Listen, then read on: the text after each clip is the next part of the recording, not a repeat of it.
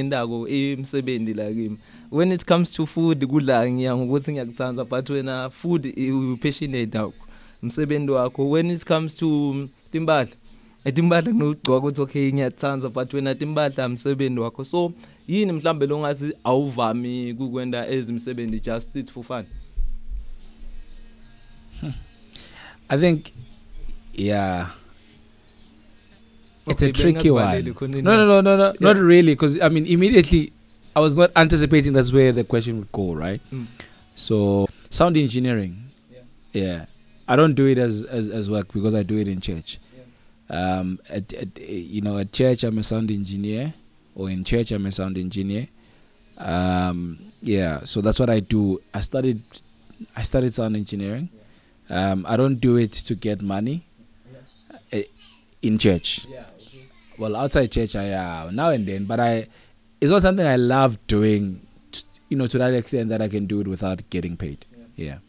Okay ah siye la ku radio because ngoba ku interesting sekunovember nyalo eh la usebenza khona nyalo bakucashe ngo December ne uh, In fact I signed the contract in November yeah. um we started going on air in December yeah.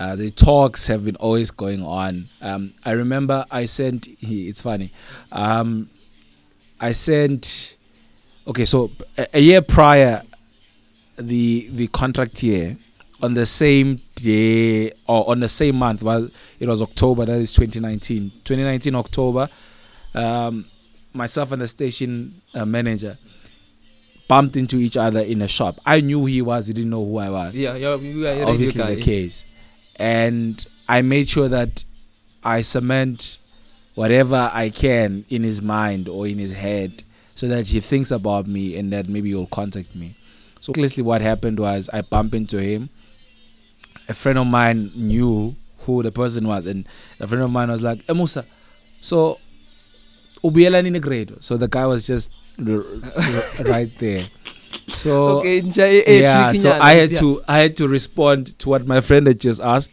but at the same time i'm responding in, in, in such a way that this guy is here he would hear like nah man uh I'll go back the day Rise FM and other commercial radio stations high. Okay, we gonna get them sure. asibuka ijeni yakho ya radio. Ngifuna understand ukuthi mawuye kosebenza ngo December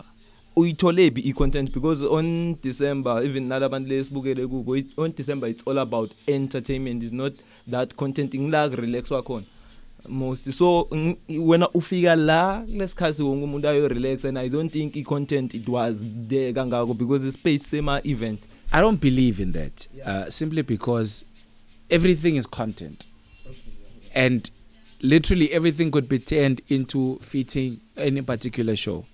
So I don't believe ukuthi there's content during the year and then in December it ceases there uh, I suppose it ceases to exist. Yeah. I don't think that's the case. But I think ukuthi we have conditions our head I, I suppose we have conditioned our, our our head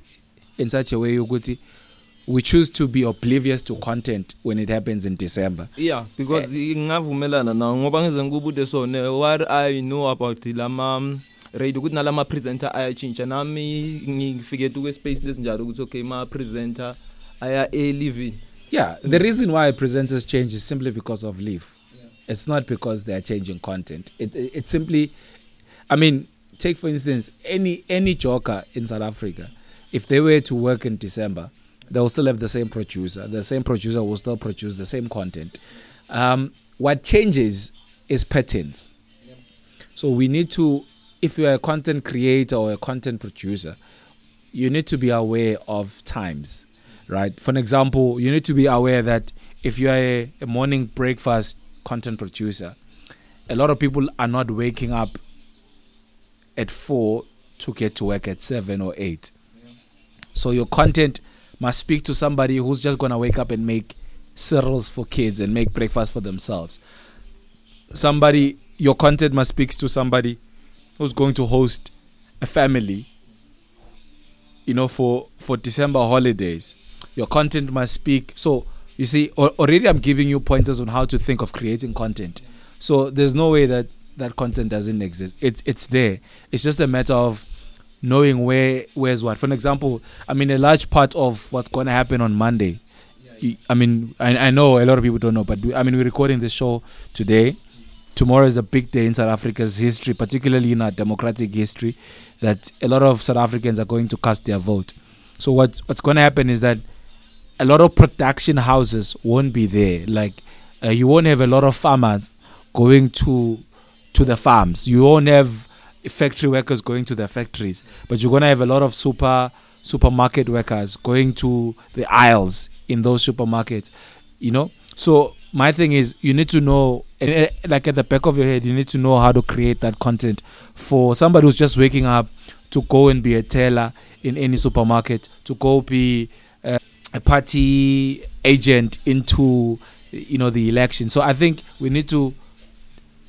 Somebody says read the room I'd yeah. say read read the times or read the season. Okay. That's how you can create that content. So that thing ukuthi uh the, in December there's no content, it doesn't exist. So but to answer you properly, yes. Mm. I'd say ukuthi so when we jumped on, mm. one thing we had one aim, I mean with the team that I I started with. Yep. The aim was very simple. The aim was let's go out and have fun this month. Okay. Yeah.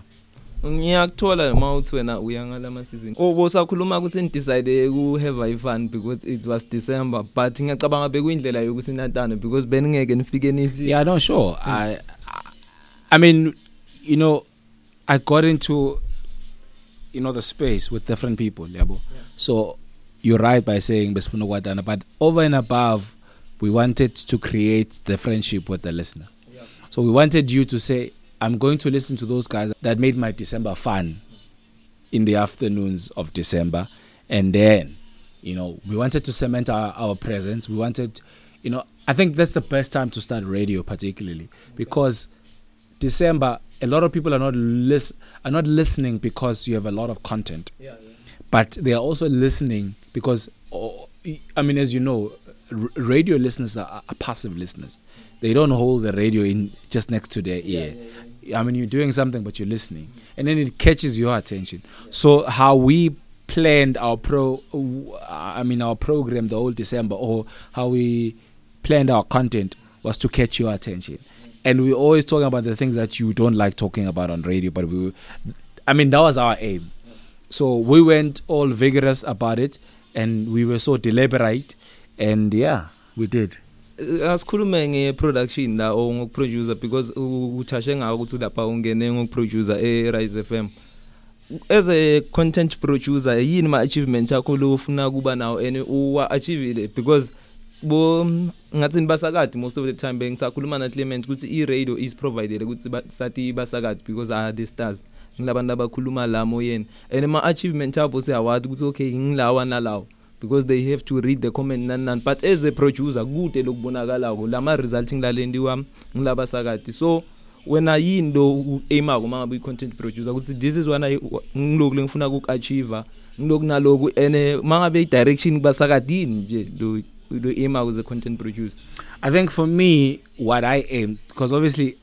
i don't want to speak broadly because abanye abantu angibazi baplanani But for me, what I wanted to achieve, i have already achieved. I think I achieved it on our sixth month on the show. Yes. For me, what I wanted to achieve, number one, was to create something that was not in the province in terms of features, in terms of content, um, in terms of even conversation. I didn't want us to talk about things that down the road you'd hear another radio station talking about it. uh, even if we, we were both getting our source from the same, I suppose, content from the same source, yeah. but how we will dissect it is completely different from how you would. And also, I wanted us to dig within our, us like arsenals. And, and for me, I know that the, the, the guys I was working with, they are experienced in their own right, yeah. and they've they've done radio and they've got contacts. So I wanted us to use the contacts because I know I knew when we were planning, someone would say, "No, I know Sbanban is my friend." Mm-hmm. So when I was planning the show, I wanted to create content that would feed into someone saying, "You know," I'll make an example. One of my presenters was chilling with or hanging out, like on a normal basis, with um, Robert Gumet. Okay. So when I was at the back of my head, when I was creating content, I wanted Robert Gumete to call okay. at the back of my head. So he's not an individual that you normally get on radio. Yeah. Sure. But I can tell you for free today mm-hmm. that uh, his housekeeper called yeah. and said they were listening. Yeah, yeah, yeah. Yeah. So in fact, they didn't call. They sent us a voice note on one of the topics we were talking about. So sure. Yeah, so umithile kambe ngibani ngumakhosi lewafunela top umbheki. Eh, I haven't met Makhosi. Eh ngisho le standard. Ah, not really. I think Makhosi is I mean by far is till I suppose till to date is one of my favorite. I've never met the guy. That's the beauty about radio. Uh, with TV you can easily associate yourself with the person. So Makosi I fell in love with how he sounded, how he thinks, and then I went to like then I went on to see how he looks, and then I found mm, he, he's a great guy, and, and and and of late I know that he's based in KZN, he's a programs manager, so for Kakasi FM, so he's doing very well for himself even. So moving from community radio kuya um, ku commercial radio in terms of content because ayisafani ngwama adjustment lebe kufuna uwende or ngublo kufuna ukuthola kufani ne presenter kuthi yes you still have the same mic you still have maybe kutofuna uchintsha 1 2 3 but mic it's on nan nan then from you as a producer i think it's more work or vele kufuna kutshintshe nale environment hey, number 1 prince ah, hey, bro like it was tough the first month it was tough N not creating content just adjusting to the culture yeah. of how the station does things right i speak for rise fm because i'm there the way they do things it's such on another level yeah. than i had I, I had previously expected. So you always hear about commercial radio station, right? So when you get there, ah, bruh, like they require excellence. So there, uh, where I work, you don't say. You see, we used to do it at PCR, community level. You would say, "I've spoken to Prince. Prince has assured me that he's going to pick up his call." It doesn't work like that. That that side. There, we need assurance, right? that when we na- when we now queue to Prince or when we it's time for us to call Prince, Prince is gonna be there, right? so how do you do that because yes you said ngalana we asho ashorile bese aget yes we facing that yeah, no, sure. radio ukuthi yeah it's a radio thing mm. but at rise they teach you how to keep prints there okay. to want to be part oh. so they teach you that so at rise they teach you because it's easy for me to have a conversation with Prince and say, Prince, I want you on my show tomorrow, and then you say, okay, sure, yeah, come okay. tomorrow because of other reasons you are unavailable. Yeah. At Rise, they do teach you mm. how to hold Prince accountable. Okay. Yeah. For Prince to come yeah. to the interview. The thing is, it, it's very tricky. It's not something difficult. Mm. At Rise, they say, show Prince his advantage oh. of being there. Yeah, yeah. Paid. So, so it's up to the person whether they come or not. But But the thing is, often when people book interviews, they book them based on a narcissistic perspective. Oguti, it's all about me. It's about our show. So come, you come to our show and talk you, about your story in our show. At Rise, they say no. Um, Rise FM is opening up the conversation to the province. Um, we want you to tell the province. It's not about us. We want you to tell the province okay. what you've just told us now here at Rise. Yeah, all right. So so Rise is prov- like it's always about the province. So they prioritize the province above everything else. then asibiyele emuva kancane ubowadi ukuthi eradweni ufuna um, kuba ipresenter nani nani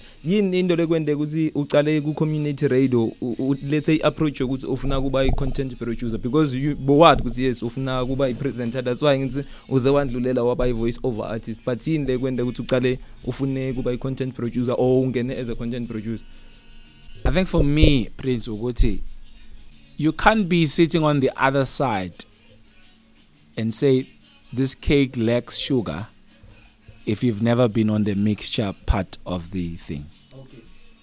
So you can't be on the other end saying, yeah, but yeah, but you should have put a strawberry without knowing where the strawberry comes from. Okay.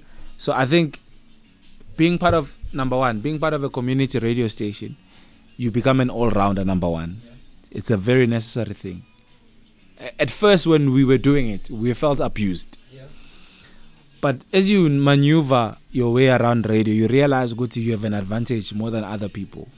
Some of our colleagues that we meet with, right, is that some have always been what they are.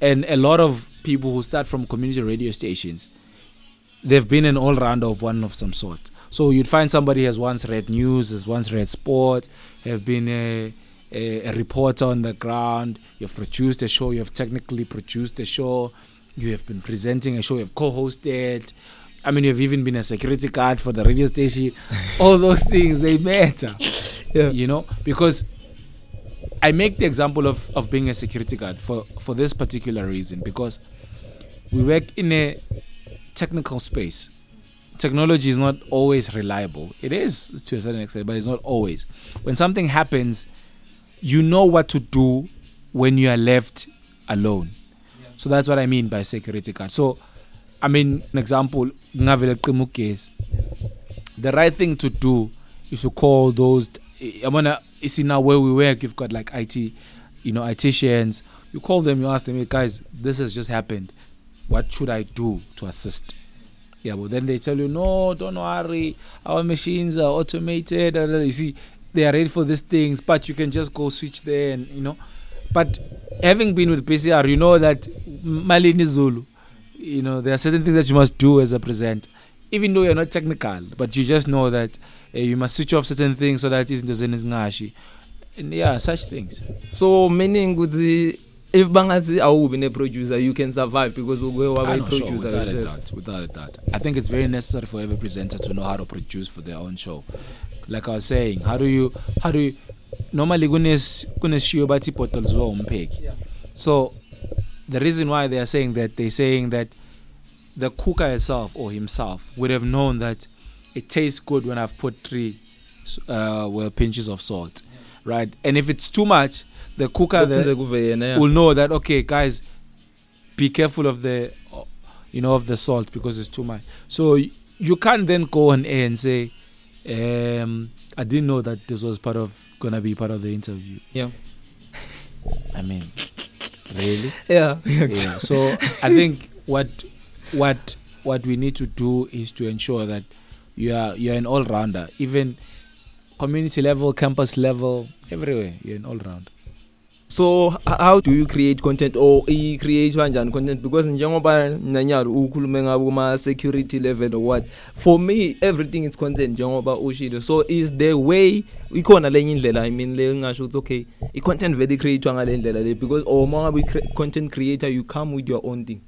I think it's just understanding the basics uh simple things like who are you creating the content for okay they listen sure uh, so we call it listenership so but like who are you creating it for i mean take for instance let's use something that everyone can relate to b- besides radio say instagram yeah.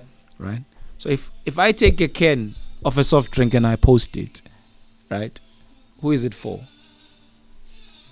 right but if i take a glass branded with bcr or any other community radio that is out there and I pour a soft drink, what you see, I'm selling PCR, yeah. but what's inside PCR is something completely different from PCR. So what I'm trying to say is you need to understand who you're broadcasting to or who you're targeting or I mean I see this all the time even on Instagram. You find somebody somebody would have had a dope reaction, whatever. But because they don't know who they're doing it for, they've just haphazardly posted it or they've just haphazardly uh, executed it. So now it doesn't have an intention. So how you create radio content or content in general, you must know who you're creating it for and how do you want them to react after you have disseminated that thing. So after you've given them that, how do you want them to respond? So that's very important. For ne- I mean for an example, if I say and then I start my link. Whatever I say after that, somebody's expected ukuthi ngizobe ngikhuluma ngokuhle because I've already sold the idea. Yeah. yeah. So I, I suppose it's very important to know who you're creating it for and also how do you want them to respond after you have created it. Because the thing is um what I've learned also when I was now in this journey that I'm in ukuthi we somewhat do things in and expect people to react miraculously, but we don't even know how they should react. Okay, yeah, yeah, yeah. So, content creation is very easy, man. Like, it's everything around us, it's everything that is of interest to people, but particularly the people that you're targeting. Simple. So, if you know that um, I am, as, as a person, I'm targeting uh, the affluent people in life, I know they like cars. I know where they eat. I know what type of food they eat. I know what clothes they, they, they, they wear. I know what conversations they're having. then it's easy because you just focus on those things. So when you see something about a particular soft drink, about you know that you know that group of people, you just bring it into the conversation and say, you know what, Prince, the other day I was chilling with these friends of mine. Oh, they were doing this thing, and then already, whoever is in that group of people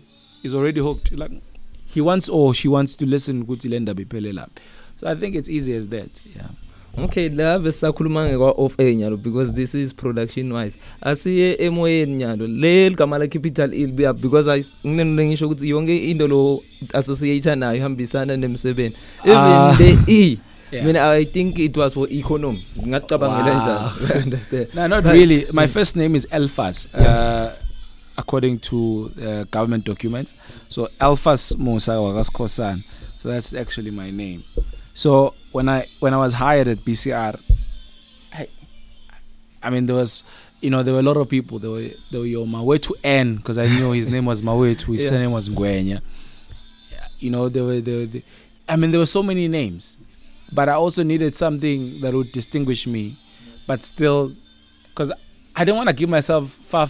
I mean something far fetched from who I was, like call myself uh, taste maker or whatever sweet candy whatever uh, well yeah i just wanted to to say something so i knew that my name is alphas and that's my first name in my doc, uh, government documents and that is a capital letter so oh. and then that is a capital letter and then mm. that's how capital e came about so akusiki ukuthi ikhambelana ne background yakho ukuthi ube mhlambe wenda music walisebenzisa leni elicale khona It started. That's how it started, and obviously over the years I've evolved like the name and played around with it, but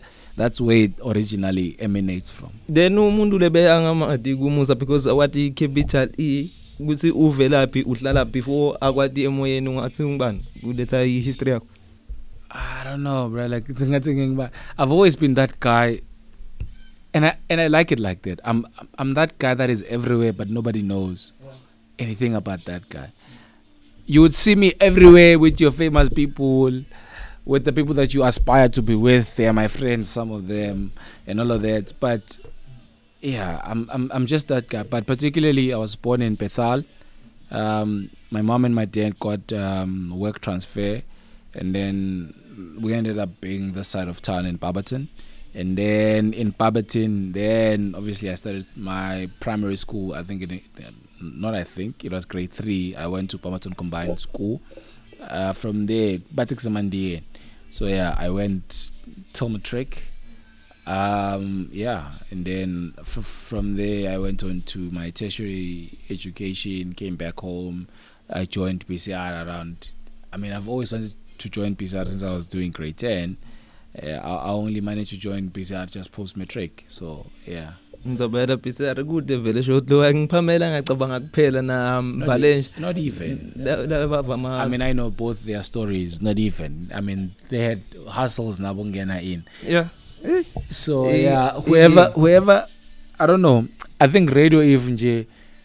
yabangayiletha on your laps I don't think you'll treat it the way you treat it the way if uhustlish ilanga khona yabo so yeah so radio was vele into lebeyifuna kuyenda from SKL I've always wanted to be a politician. Funny enough. Yes. Yeah.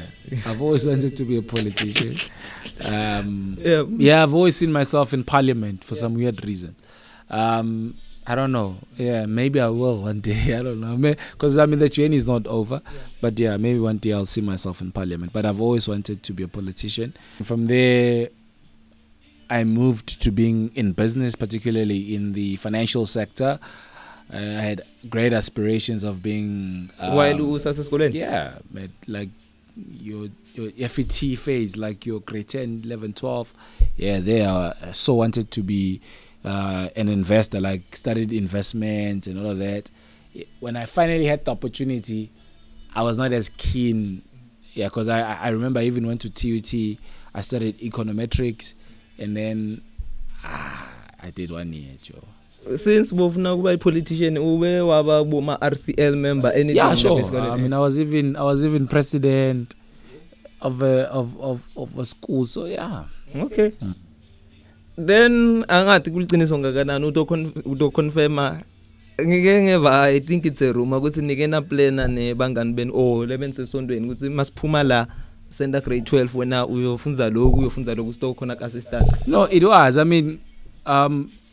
people that uh, in our our, our our circle will tell you that we're so influenced by the Jews.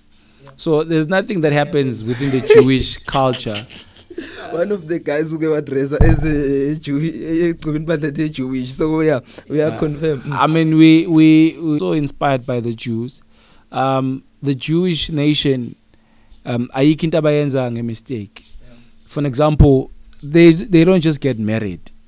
Eh, umntana intombazana umfana omfana i um, mean umntana omfana within those families they plan this thing it happens right whether they like each other that's secondary yeah.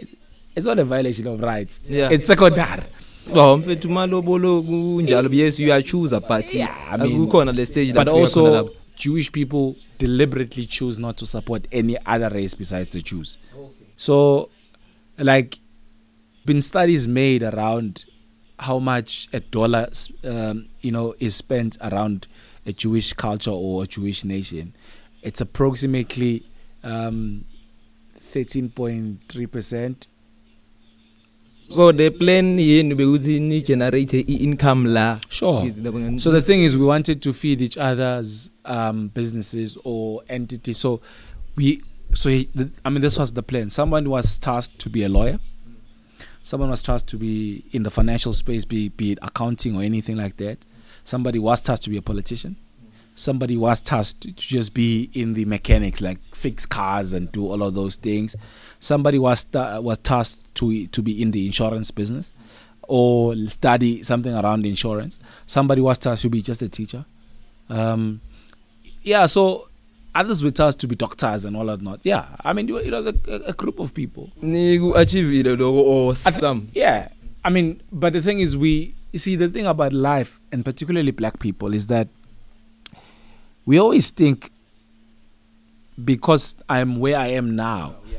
and then the other ones who are not where i am they're out there to get me so that's the uh, the unfortunate part of it or, oh, and also the other downside is that you caucus this thing as a team you go pursue it in different uh, universities in our country you make new friends there then they influence you somehow there and then you forget but i can tell you without a doubt within those group of people we've got two CAs uh, within those group of people we've got three lawyers within those those group of people we've got about five uh, agricultural experts people who are who are doing agriculture for I mean they are moneyed now like like they're doing very well for themselves. So, I mean, if you ask me if that plan was achieved, sure, sure. But I, I suppose it's not feeding to what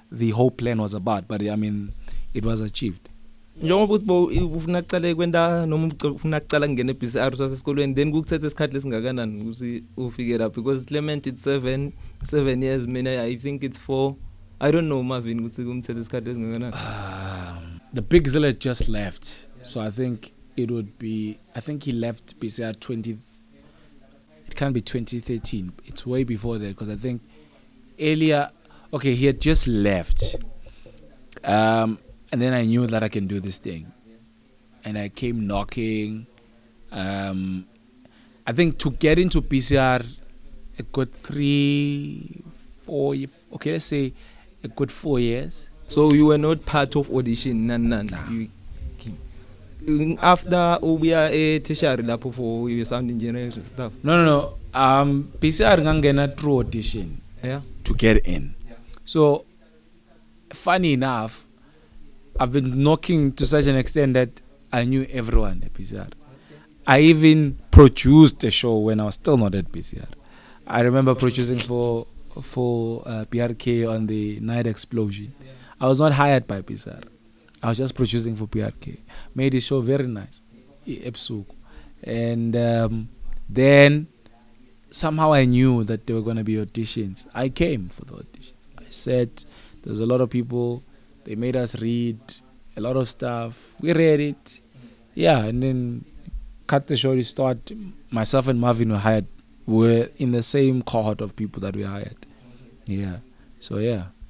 then we show lebe ufuna kutoyipresenta wena not le wacala ukuyipresenta ukuthi okay because ukhulume nga big big i think that time was doing drive yeah no sure I, I, to be honest i didn't know radio in that sense yeah i just wanted to do hip hop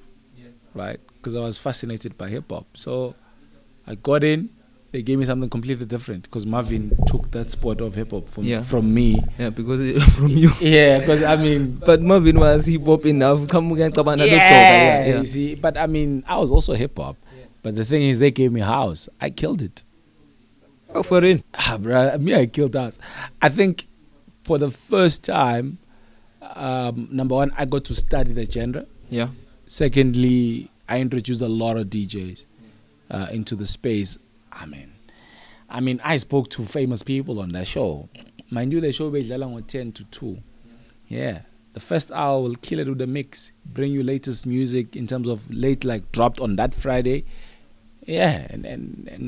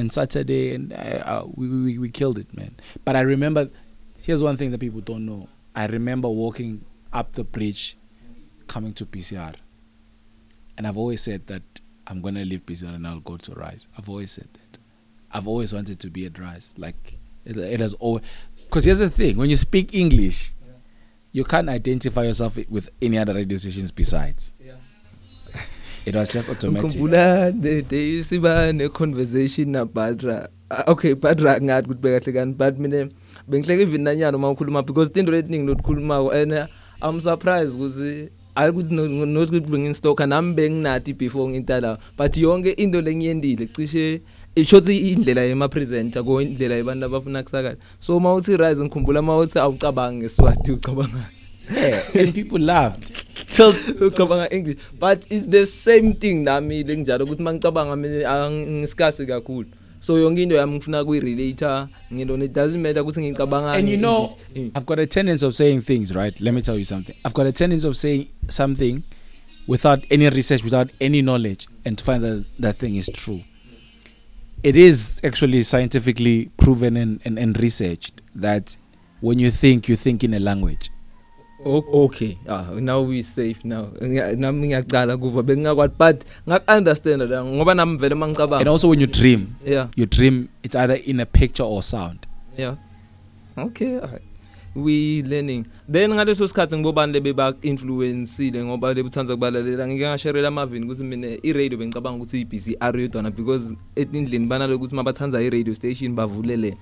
yona kuphela mm. so wena ngaleso sikhathi bekungubani lebe which time which time is this lesikhathi uqala ibhizi are ma presenter lebukele ku um i've had an opportunity at that time to hear i've had a little bit though um, I had heard DJ Fresh. Um, I had uh, like I was not really like an avid radio listener, but I've at that time Fresh I've heard. Touch was my biggest at the time. Yeah. Tibo Touch. He was still doing uh, touchdown 326 on, ra- oh. on Metro FM. yeah, I was so present, it's right. Um, hmm. I loved um, the breakfast uh, Yese Metro at the time, Glenn Lewis and Unati. They were killing it with Mel Bala as well. killing it with with um, this is my banner. He, he he ended up leaving the show to be with Super Sports. For me, that was ideal radio for me. Yeah. That was dope radio at the time. Um, I've never really been fascinated about the province as far as radio is concerned, but I can tell you for a fact that Makosi, I listened to him when he was still at Rice. Shaks Daga was well, was a killer. The Big Zill funny enough, the Big Zill used. So he left PCR, went to be with Likwala Kwala, and then he went to be with Rise. Yeah, now and then I'd listen to him because the thing is, he's one of those unpredictable presenters. You don't know what's gonna do next. Next minute he's shouting, next minute he's crying. you see, so he's one of those presenters. So yeah.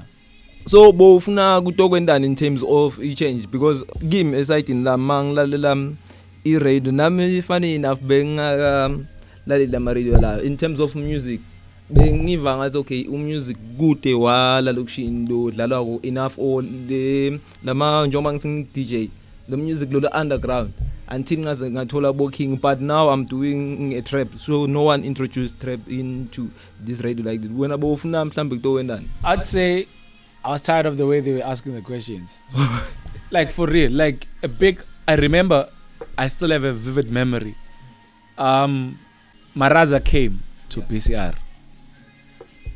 Ah, man, like, I mean, I'm talking about Maraza simply because I even came to PCR. Okay, there's two particular interviews now, now that I think about it. But the other one I was inside already. But the thing is, Maraza had just. There was no longer um, the team. I mean, the team was no longer there. Um, uh, just that right? Just that was no longer a team. Yeah, Deza and Maraza. Yeah, so he was just now Maraza alone. Yeah. Now this guy was coming to to PCR to be recorded, to be interviewed. interviewed. Yeah. Now this guy comes. The presenter was so focused at just that, yeah. and even on just that, we we didn't really get what Maraza was about. Yeah. And I felt ah, we missed an opportunity there. Because here's this guy from a group who's dope. I mean, why leave a group? We didn't even know why he left the group. Yeah. The presenter was just so fixated in knowing where uh, Deza was. Yeah. But as I said, nah, he's in KZN. Da, You, you guys don't talk. I felt, ah, man, there was a lot that could have been asked. But here's another reason. The same question that was, was asked ekwalakwaleni those were the same questions that were asked here at home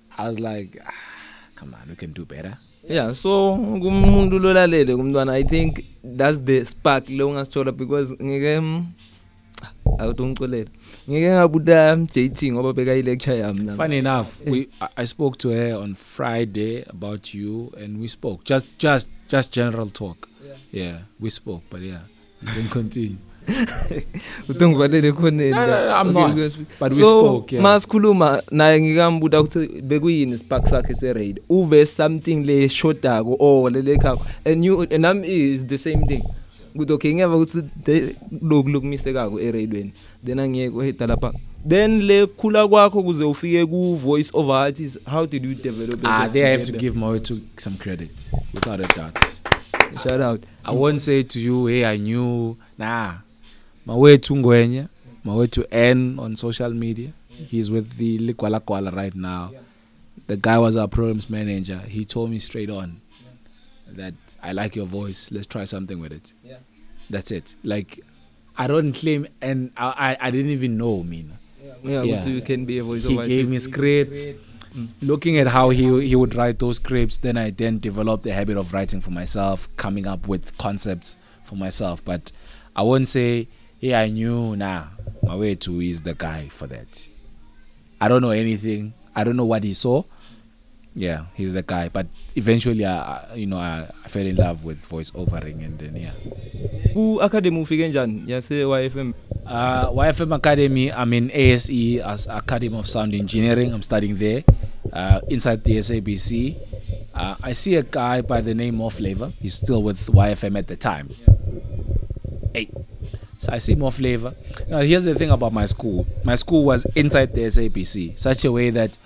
you would bump into any famous person. For an example, I used to, not once, not twice, not not five times, more than that. I would be on the same elevator as Tibotaj as often as possible. I mean, with Glenn Lewis, with Unati, with um, Amon. Ah, yeah, I mean, those were the guys. I mean, with 5FM guys, with because uh, 5FM, Metro FM, Radio 2000, they're close to each other. And we were using the same elevator because I was going on the same floor with them and whatnot. So, yeah. Um, yeah, so bump into more flavor. I asked him, How do you get into radio? He says, No, you you start community radio, da, da, da, da, and I said to him, but I've already been with community radio. Now I had done yeah at BCR at the time, I'm already in varsity.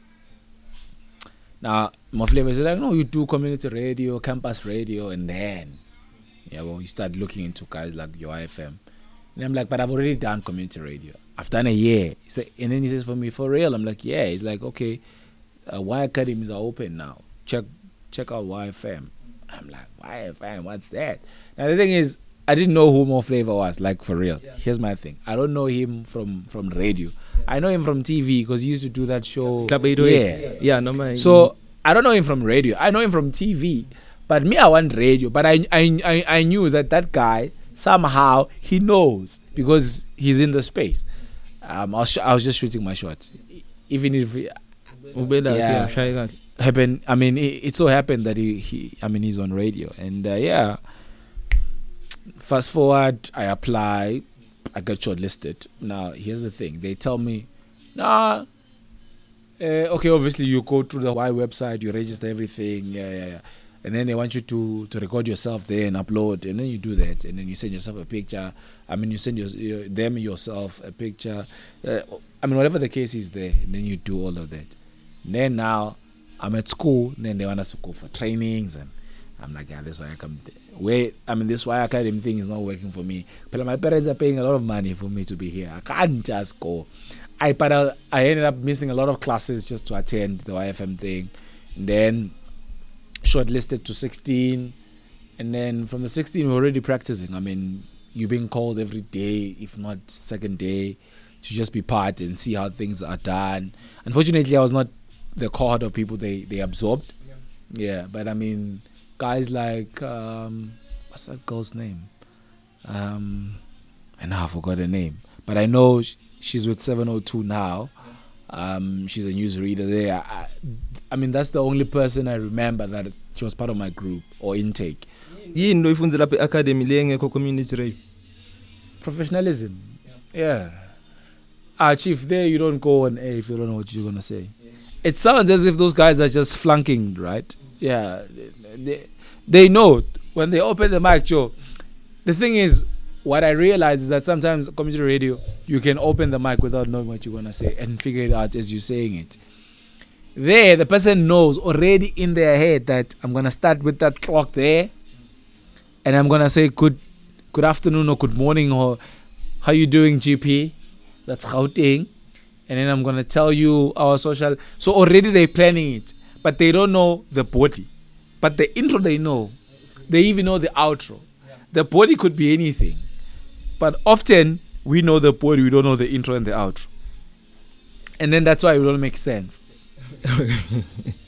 ungadiscourage mfethu la ngifuna kunza but then wh what did you do different mawubuya la PCR because you so what I came back my way to left PCR I hosted the breakfast ufike walenda in a way you can yeah you can say that because i just did like few months of the the the the weekend breakfast just few months i think it's not even six it's few months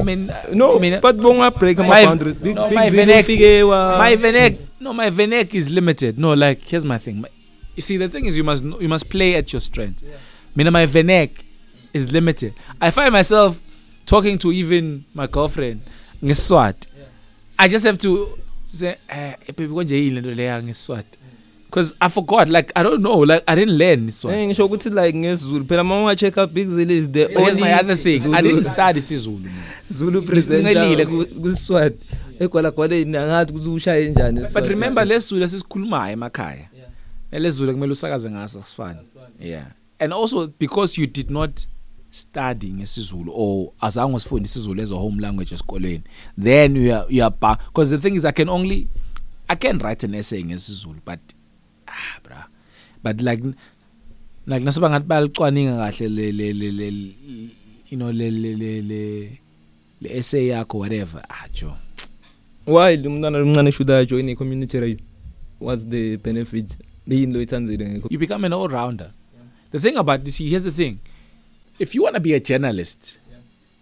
a print journalist start with community radio yeah. if you want to be a spokesperson for government you see sometimes look i I've spoken to a friend and she's a spokesperson for the MEC.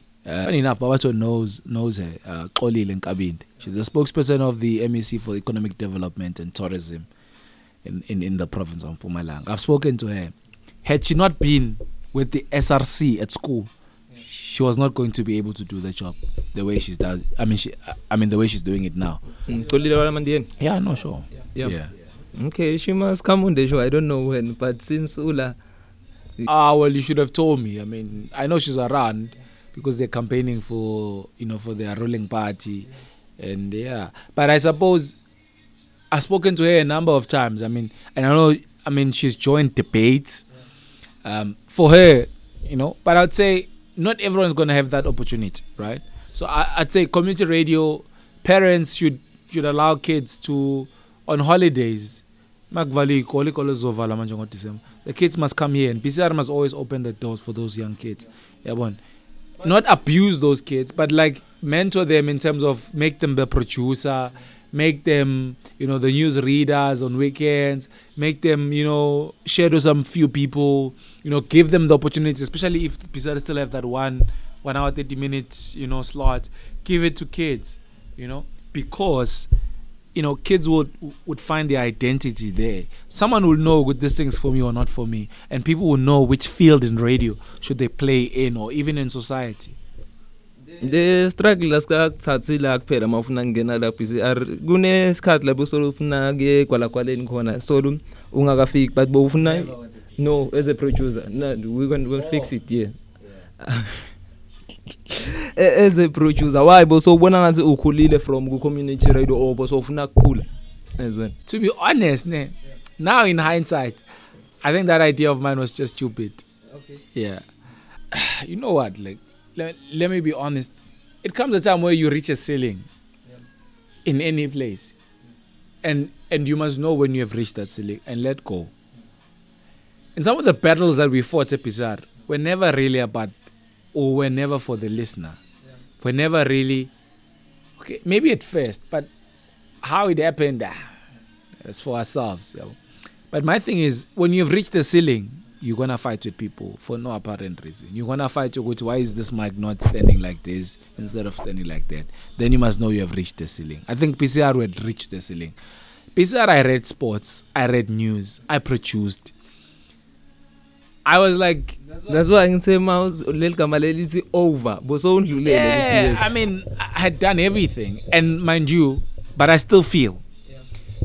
wherever he is Mr Manana he knows he robbed us an opportunity to actually create something very beautiful with with our breakfast team yabo look he gave us an opportunity to be with those ladies right and I think because naye he was short sighted in a sense ukuthi um could have looked at this thing very differently i mean he was acting on hearsays yeah. yabo and i feel like to that extent he robbed us an opportunity to actually build ourselves and himself to build something very beautiful for the province but unfortunately i mean that happened uh no love lost by far i think is one of the most um funny people to be around he was a great manager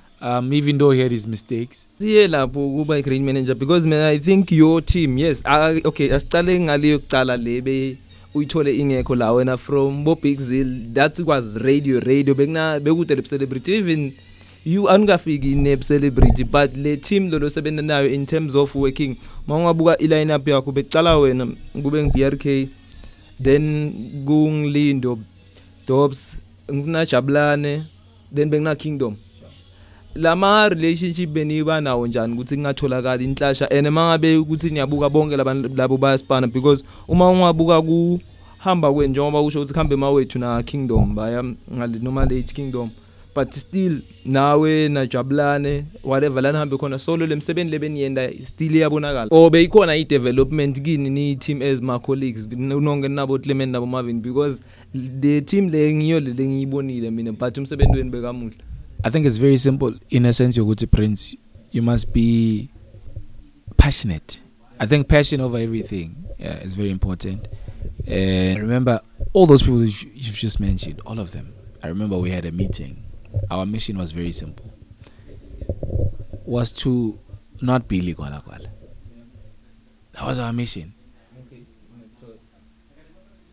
the thing is we have seen everyone else wanted to be ligwalagwala yeah phela ligwalagwala is the face of Mpumalanga and it's in a we make it the face of Mpumalanga because it's national no I mean I can tell you for free he knows now so it's not a secret yeah. Mr Mavuso called our show with those girls in the morning he said he was enjoying the show yeah. but also you know um as people have got this tendency of calling and then because you've said all these nice things, then you feel like ah, I'm robbing these people. Then you want to also say this not so nice thing. But I suppose he was listening and he enjoyed, and then he corrected us on something that we had done on air. He said, "No, guys, you you shouldn't do it like that. You should do it like this." But I think, and and here's the other thing. I must thank him for not calling on on on on air. Yeah, he just wanted to be off off off air. And till this day, when I meet him, he knows it's all love.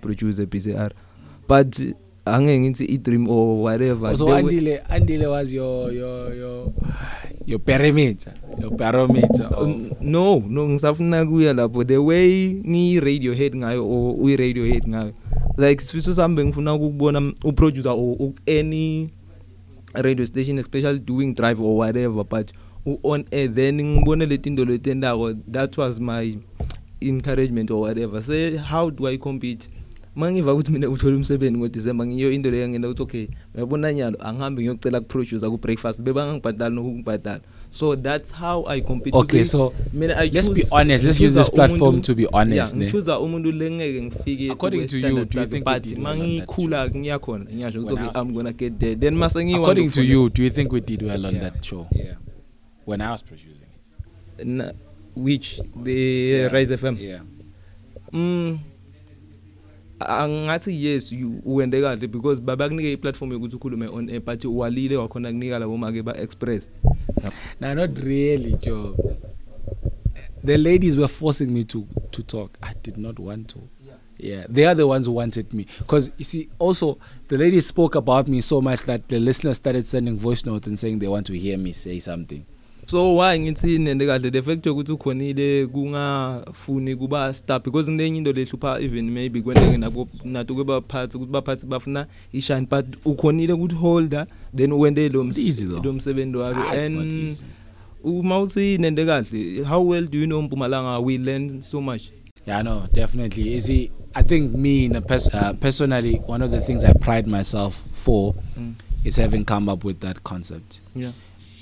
I was not alone. We were tasked to come up with a quiz on that show. Yeah. I. Yeah, I mean, I, uh, you know, I had to think deep, and I th- and I, and I thought, you know what, quizzing them about something that they already know would be nice. Yeah, yeah. And obviously, we came up with the concept how well do you know Mpumalanga, mm. and yeah. So then we have figure, Bakashe is a um, content producer. Then utale utola i offer.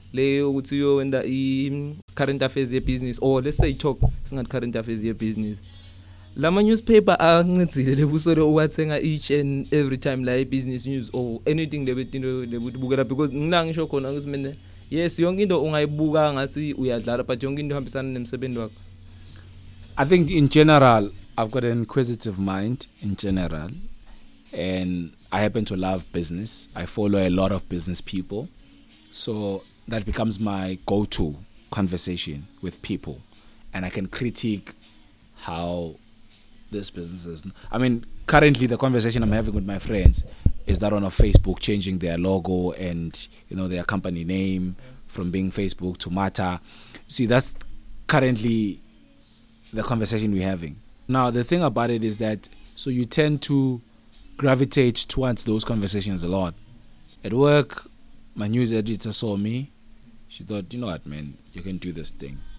Um, she started testing me by filling me in, yeah. and then from there, yeah, it was it was go time. Then lay business bongana because you have rent business before. Ah well, I mean obviously look, she tested me on her show. Yeah. That was business.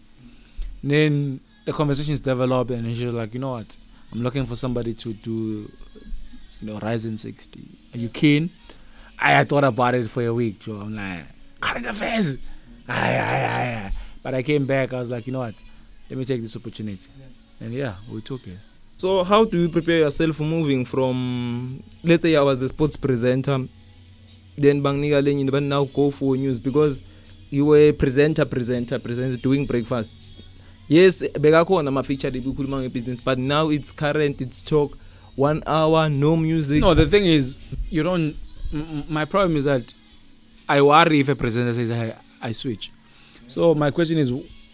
what presenter were you because the same things i'm talking about on rise fm in 60 minutes it's the same things i would have talked about if i was just a presenter presenter yeah. there's nothing different now the difference is that when i was just a presenter i would have spent maybe three minutes doing a link in and out about that conversation But now I get to give it 15 minutes, 30 minutes talking to the individual who's involved. So that's the difference. Then njengoba usibonga si kini into lokwenda ukuthi okay let me take this Now the thing is you the... look at obviously you are known for something. Yeah, oh okay. Right? And then you want to somewhat retain that title. And then you don't want to explore what's out there And I think for me, it was just comfort.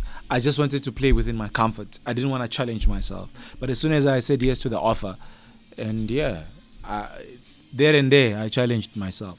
ite eh, nokushintsha leli gama or just decided ukuthi okay now since i'm gonna be a formal man no not really i mean another thing about where i work now is that they're not really for these frivolous names yeah. if you would realize every person there calls themselves by their name. Yeah. The thing is, they understand that that thing lacks longevity. Yeah. In a sense that, look at every person who used to call themselves, I mean, take for instance, take for instance, Pro Kid.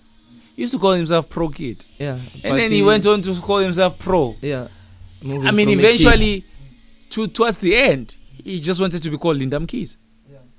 You see, i think that institution understands ukuthi for you to go long you need to be yourself and yourself is prince vilaga there's nothing else if you're gonna if, if you're gonna call yourself prince ozo now next day you call prince and then you're gonna change you're gonna gravitate towards the origin that's the thing so i nami those conversations because here's my other thing i was already being in spaces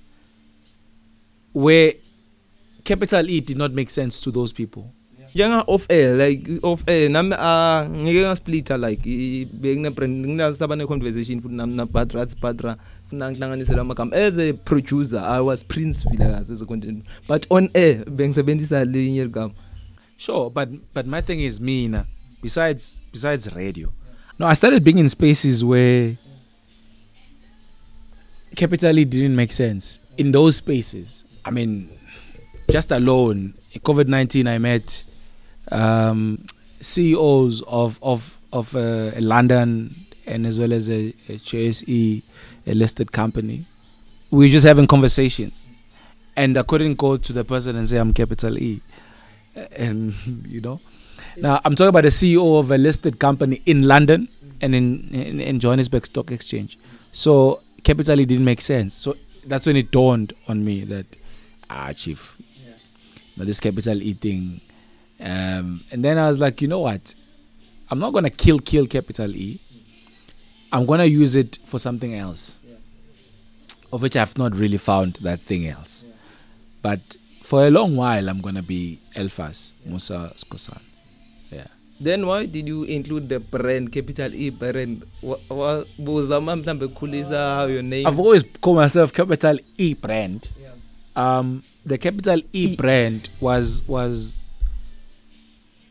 I envisage ukuthi I'm going to do a lot of things under capital E so the media part was brand one okay because I also did events under capital E so events because you'd see capital E presents that would be me doing brands I mean I was hosting uh, like a whole lot of things I mean you see, so he, as I'm saying, I was also helping people market their businesses using Capital E brand. So yeah.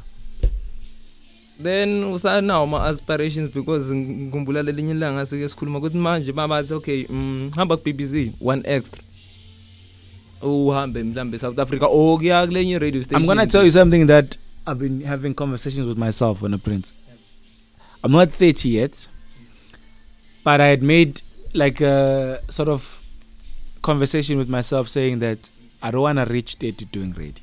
Okay. That is a me thing. Mm. Radio at all, off air, on air, radio. Yeah.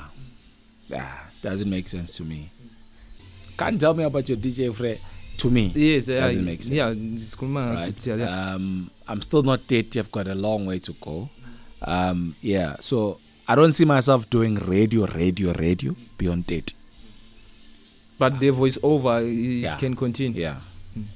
without a doubt why um ungakabi ngoba ngathi awukuthandi even still nanyalo kuba ngi-mc net ngathi bakufostele yes i don't even like uh, look right now i'm pushing myself to facilitate conversations yeah. ah, this mcing thing is, is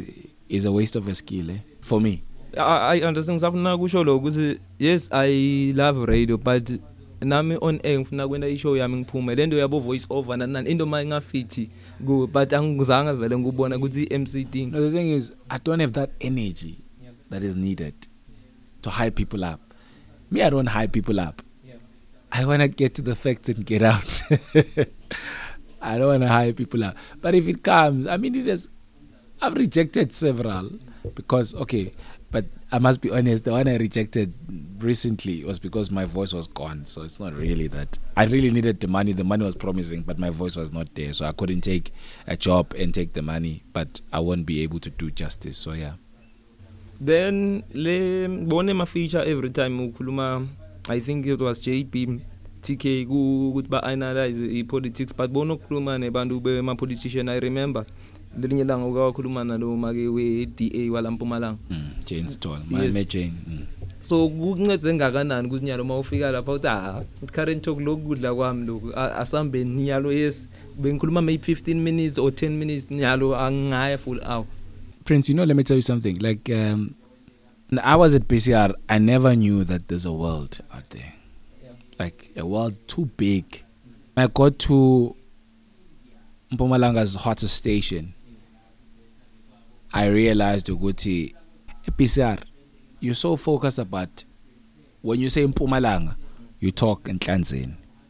okay wena soyilule kakhulu mina it's lowfield yeah but yabo okay yeah so you talk the lowfield but i mean still enhlanzeni is still pretty much the lowfield i mean enhlanzeni goes all the way to your bushbuck reach and yeah. then comes back to uh, Nkomazi and just the lower part yeah. I've always thought that I was Mpumalang when I was when I, when I was still at BCR. Yeah. Well, when I was saying, so tell us what what are your plans are ah, in Mpumalang? I was talking about the Lowveld in Mpumalang. When I got to uh, Rise, I realized what Mpumalang was really about. I've never like I, I've never really when I was a producer and when I, I, I, I like I'm on the show, you'd get a, a like a, a, a WhatsApp call or I mean a WhatsApp voice note, someone saying they're in Dr. JS Morok municipality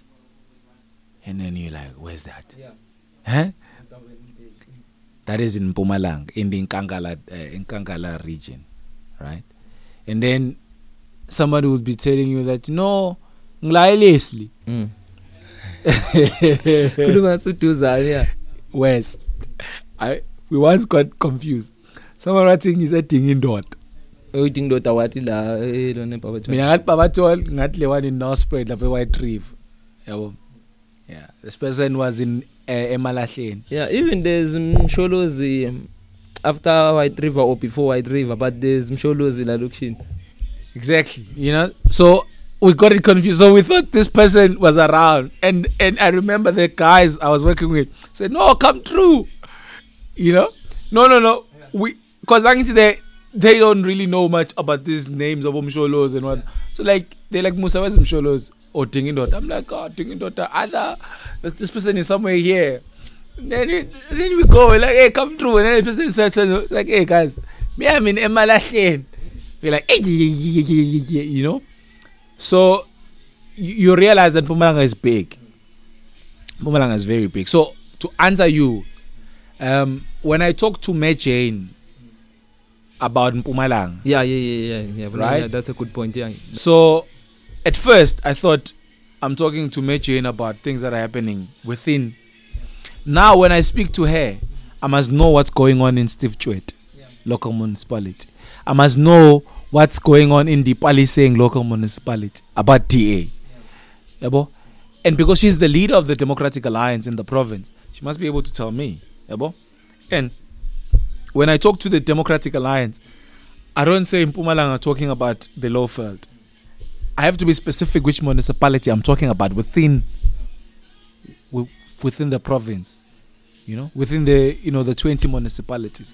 So it's it's it's it's, it's all those things. So the conversation broadens, it changes completely because the logarithms of the conversation changes. I spoken to former spokesperson of ESCOM, not not Sikonati, the you know the other guy. Spoken to him at PCR, but when I reflected, I actually it, it would have been a different conversation at Rise. Then the radio industry satoba nayo empumalanga because yes lapha kini we have radio presenters i want to be clear and we have these radio stations but the same th- thing lebe in Kawadala we not leaving radio I think so because we don't What do you know mean much, leaving radio? Uh, uh, or we don't know much about radio. In which sense? And this thing of being a celebrity, you're gonna come to radio and being a celebrity is not working. That number one. but number 2 as njengoba besakhuluma ukuthi we need to understand ukuthi i i-content or must presentela sipresentela abane or especially for i-community it's not about me when i'm on air that's why but the thing is i think a lot of community radio presenters haven't really identified ukuthi why are they doing it and also i think the sense of understanding the platform is very important so right now the platform at, at which I'm uh, I mean the platform at which I'm on allows me to read as wide as possible and and be interested about about your solar energies your what, what because those are those are conversations that affect abantu yabo so and then I'd say to you abantu abaningi wanna be famous using i radio yabo so and also abanye abantu abayithanda i radio nje like in general So someone wants to be on radio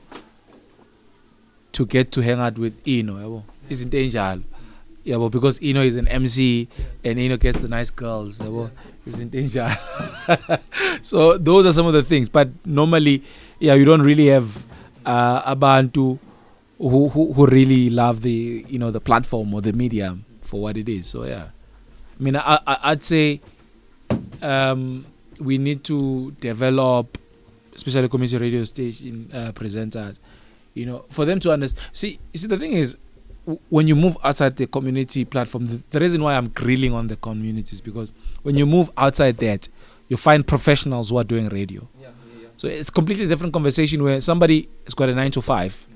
and then in the evening you're going to hear them on radio okay you, you cover what I'm saying yeah. or a person is a professional in terms of the person is an accountant mm. that's why he does a radio like a business show. He's got he's got all the etiquettes of doing presenting, and he understands this thing. So this person is attacking radio from an intellectual or an educational perspective, whereas community radio stations you hardly have professionals. You just have people who are aspiring to be in certain fields,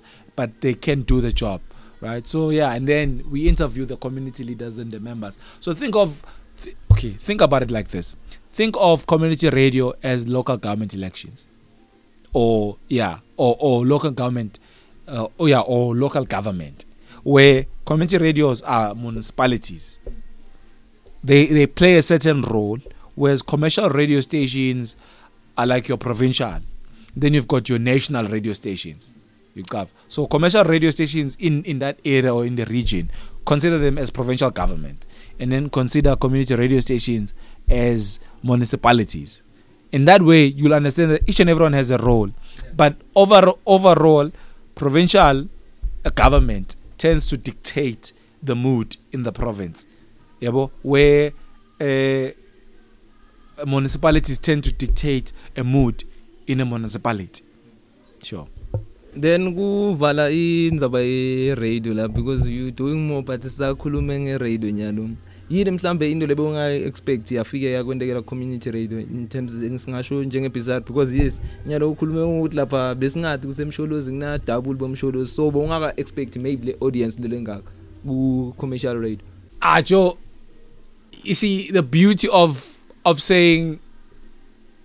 a very good evening to you thank you so much for joining us our number to dial is this this and this hit us up and then you see those voice notes.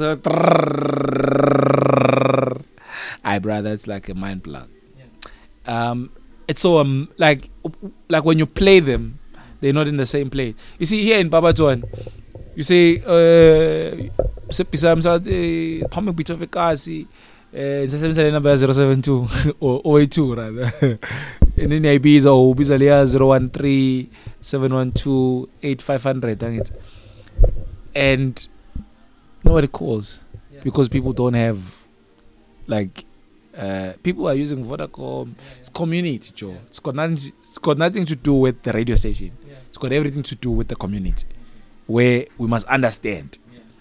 that the community, the people that are listening, they they hardly even naturally community members don't really call 013 or 012 yeah. they don't give us a 072 chief got minutes we'll call you it's not a problem right? So those dynamics. There you say 013, they call chief. You say WhatsApp, they call. You say Twitter, they, they, they tweet. You say Instagram. Someone Instagrams your picture now, Joe. yabo eh wena ma pop up event kudla njengoba sisho yakuthanza kune restaurant letako ene eh, spread ah i don't know Joe. i don't know i think look i don't want to claim it but uh, i mean we've me and the, and the guys i was working with we i mean we introduced my pop ups at Barberton yeah. it's without a doubt It's without a doubt. We we've done a lot of pop ups. Uh, I mean, today you have people doing the cooking and delivering because we did it during lockdown. It's nothing new to us, yabo. But but what I'm happy is that people are supporting those who are doing them now, yabo.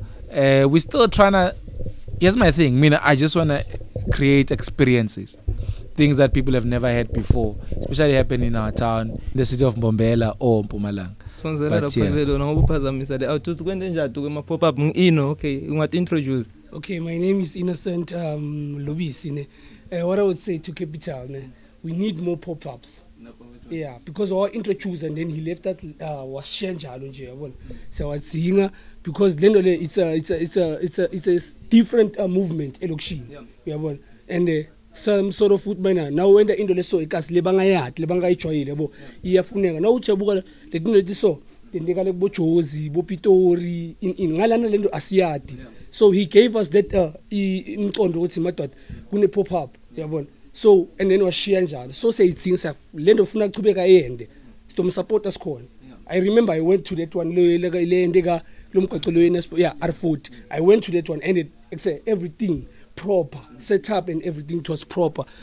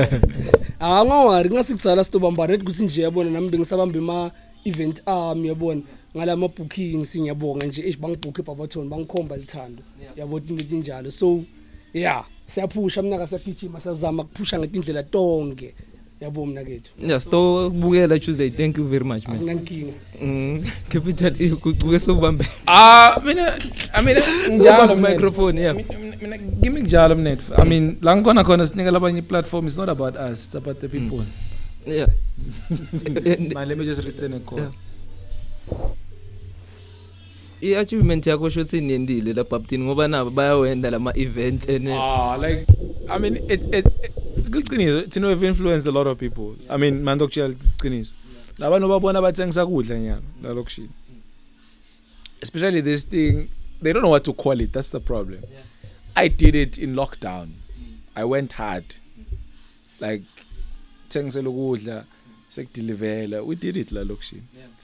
it was not, not it's not something new we did pop-ups all of a sudden people are doing pop-ups lalokishini yeah well it's a great thing i suppose uh, people are getting in, in, inspired so yeah ngenza ube restaurant isine guarantee then store siyasibona sithibadla because yebo yeah, definitely nyaro sesiyena sport nakhona i think it's progression yeah. natural progression munhu mela kule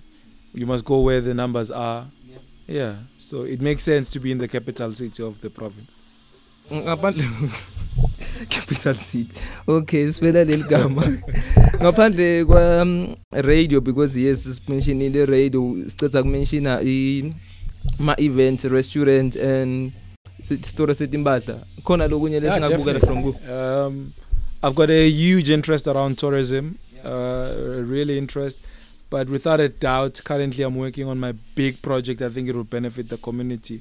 of Mpumalanga, but we'll start with Barberton just to test run it. It's just uh, consider it as a corporate social investment uh, from my end to the community. I'm working with like uh, people with money to do it.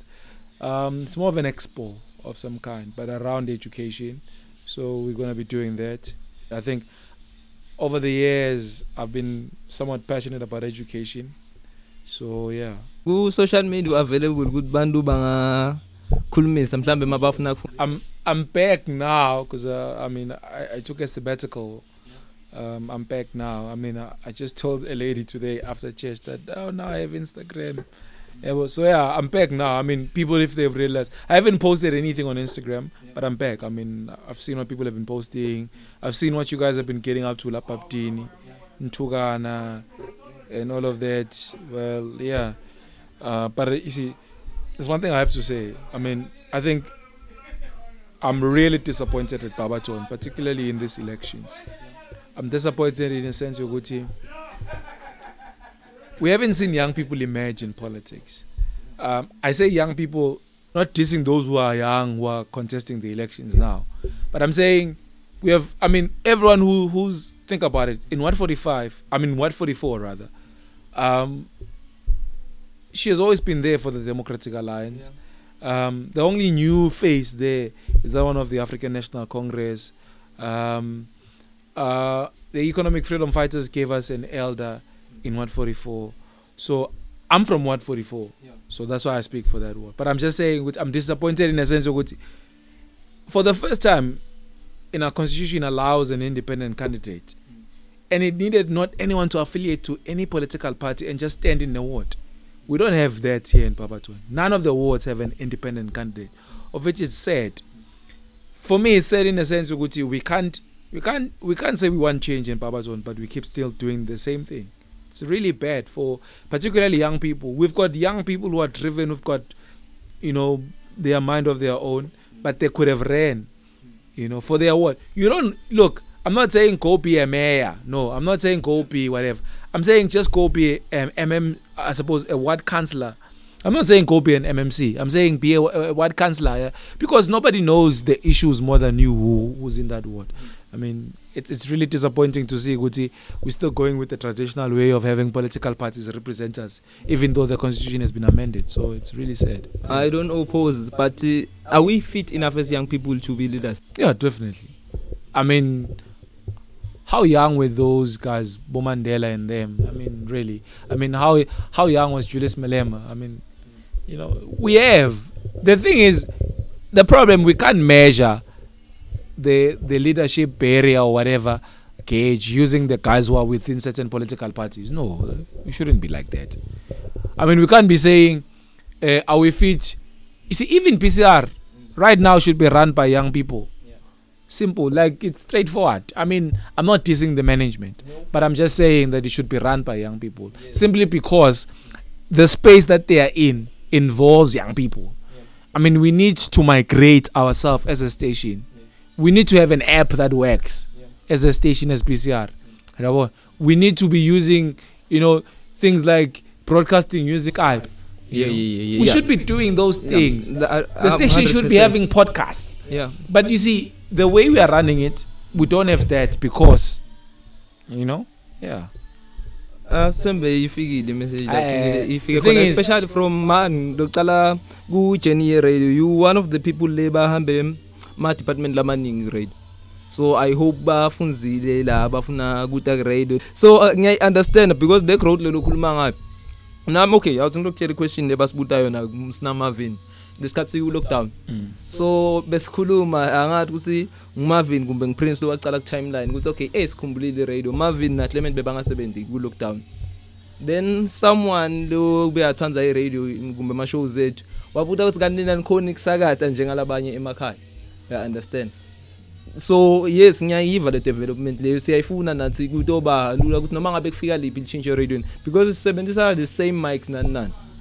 ngiyavumelana mina bengibuda ukuthi are we fit enough ukuthi okay mabathi prince rana iposition um let's say uma ngabe utorana iposition utophatha umuntu ofana njengaba bengosi utokhona kumhlonipha yini wena the thing is very simple guys we shouldn't i mean we shouldn't we shouldn't complicate our lives yeah. this thing is very very simple if you don't have respect you don't have respect yeah. it's got nothing to do with young or old okay. right so if you have respect you have respect it's got nothing to, to, to do whether umncane or mdala So I don't understand how we cannot be led by young people.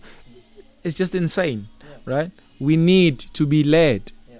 You know, say, I mean, like the reason why political parties like your ANC now mm. they're putting young people because they understand mm. that labomkhulu they won't lead us forever. Yeah. Yabo sebakhulile umkhulu. Eh. So yeah. Sebakhulu. Yeah, umkhulu. Yes. So they understand that. Yeah.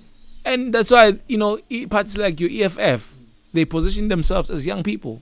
Yeah, but I mean, I see the Democratic Alliance is doing the same, and various other political parties are doing the same. So that's why it's very important that we should make space for young leaders. The thing is, if if they don't lead now, we should be mentoring them now. Yeah. But we can't want them to lead when we have not men- mentored them, when they've never really tasted, you know, the helm of power. So it's going to be impossible for them to actually make those decisions that needs to be made. uma uma wenda sports awuvumeleki ukhulume ngeteam yakho so i don't know eh, no, things go, have changed ku current affairs no, even go. that even no. that has changed i mean I mean, you get sport presenters who tell you which, I mean, which team they support. Yeah. That's why you'd find these teams like Orlando Pirates will go to a radio station and give a news I uh, suppose a sportscaster a t-shirt because they know that this person identifies with them so that has changed completely eh, eh, so ngibuda ukuthi nani ku No you can't oh yes you can't I mean here's the thing the reason why see sports is very different from politics I'll tell you two reasons now we are voting yabo if I was with any political party I'll be biased to the other ones because I want my political party to win but with sports it changes every day I mean today Clement can be telling you about Orlando Pirates right But tomorrow it could be Orlando Pirates playing against Kaiser Chiefs, and it could be Kaiser Chiefs playing against another team. Orlando Pirates out the you know the like the equation. So for him not to say I'm an Orlando Pirates because I know he likes Orlando Pirates, but he's not gonna say he pretends like he likes Kaiser Chiefs. So, yeah. but it's fine. You know, those are some of the things that happen. But Mina, Mina, my take is that as a as a as a the thing is, Mina can tell you that there are certain leaders that I like. Yeah. You know, there are leaders within various political parties that I like. I think they can do better. You know, for an example, I like the MEC from uh, Limpopo, who's uh, MEC of Health. Forgot her name now, but I mean, she's she's an amazing person. I've heard her speak. She speaks sense, but I don't know if that is a, uh, somewhat, you know, cascading down to the department that she heads. I don't know, but she's a great leader.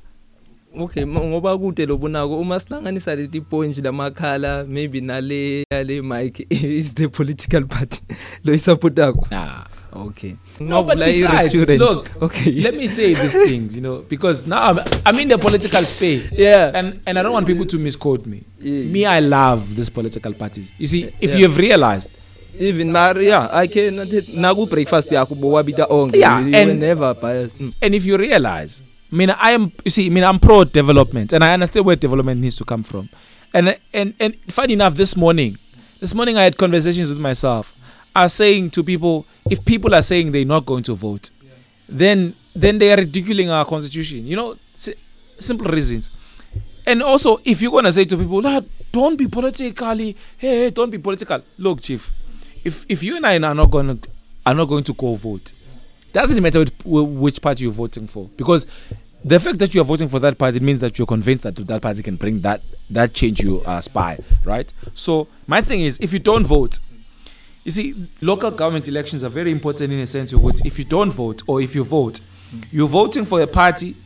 that when legislature or rules mm. or bylaws are, are in, into effect, you need people or politicians that are going to say, no, but this thing does not resemble the community we represent. For an example, tomorrow. Yeah. They could just wake up and say, you know what? Uh, no one is dumping at uh, which ward you from in Bombela? Mm, it's what 41. Yeah. Let's say there's a there's certain area in ward 41 mm. that every every person is dumping there. Mm. There in, in, in our municipality in Osprey, they could say, you know what? In ward 41, that place is identified for development. We just want to take that place and do whatever. You need a councillor or politicians mm. that knows that you know what if we pass this thing into action or if we agree with this thing mm. or if we say this investment must not come to this place this is how it's going to affect these people in this way we need people who can think like that but yeah. if you're not going to go vote the very same people who have been making these dumb decisions for us to be here today mm. they're still going to make them so that's part of the reasons why and me I, want, mm. I can tell you for free mm.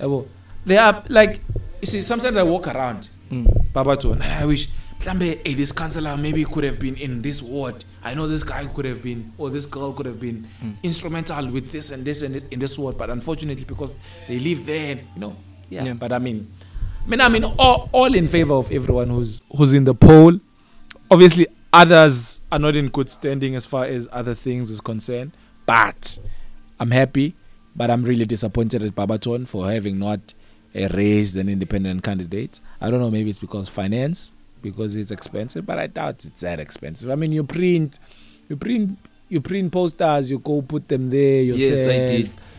And yeah, Eh kumuntu lofuna kuva more about the tindo lesikhuluma ngato because you doing it on your show. Ishow yakho icala sikhatsini? What is the frequency? Ah definitely. I will thintela singathinta khona. So i Rise FM in 60 minutes comes to Mpumalanga in about seven frequencies. Um we cover the whole spectrum of the province, you know, from the low veld to the high veld, you know, to every part of this province called Mpumalanga to its full definition. We we are definitely covering it with 20 municipalities, 400 wards, definitely. three districts. Yeah. So yeah. So it's Rise FM, uh, nine four three if you are in the Lowveld. Various other frequencies if you are in those. Then we link to share those frequencies if you're listening to us outside the Lowveld. Um, www.risefm.co.za. Uh, it's a Rise FM in 60 minutes every Monday to Thursday between the hours of 7 and 8, where we talk um, current issues uh, social issues, uh, issues that really affect you and I, and we bring those uh, to account, those who are in power to account. It's very simple. I mean, if if if people were supposed to get soup and they didn't get soup, we ask, we find out who are supposed to deliver the soup, uh, and then we ask those who said this one must go and deliver the soup. So we bring everyone to account. We bring you, even the affected party, why didn't you get your soap how do you feel about it so definitely i suppose pumalanga needs such conversations uh, we are not really confrontational we don't do that thing that people do to fight politicians no we give politicians the right to respond um, i believe because here's the thing prince i can't accuse you of things and then not give you the right you know the right to reply yeah. so it's it's definitely one of those things so we do that definitely so if you're going to say a mayor of this municipality has not done one two three be rest assured i'm going to put you both on the line i mean angidasihlebi yeah i'm going to say eh uh, Clement uthi ngawe prince what do you have to respond Clement is on the other line at that time uyeva kahle ukuthi wena uthini mo respond so that na Clement singakubuthi Clement are you satisfied yeah ngicishe nakwenda ku question nanotha but questa no he refused i mean then i was still a content producer yeah. uh questa we called both of them nota said he was fine questa refused to be on the same yeah. call with Nota. Yeah. It's as simple as that. Mm. It was no malicious thing there. We called Nota. We called Nota said no, cool. I'm I'm I'm I'm keen to be on the same line with Questa. Yeah. Questa said no, I can't.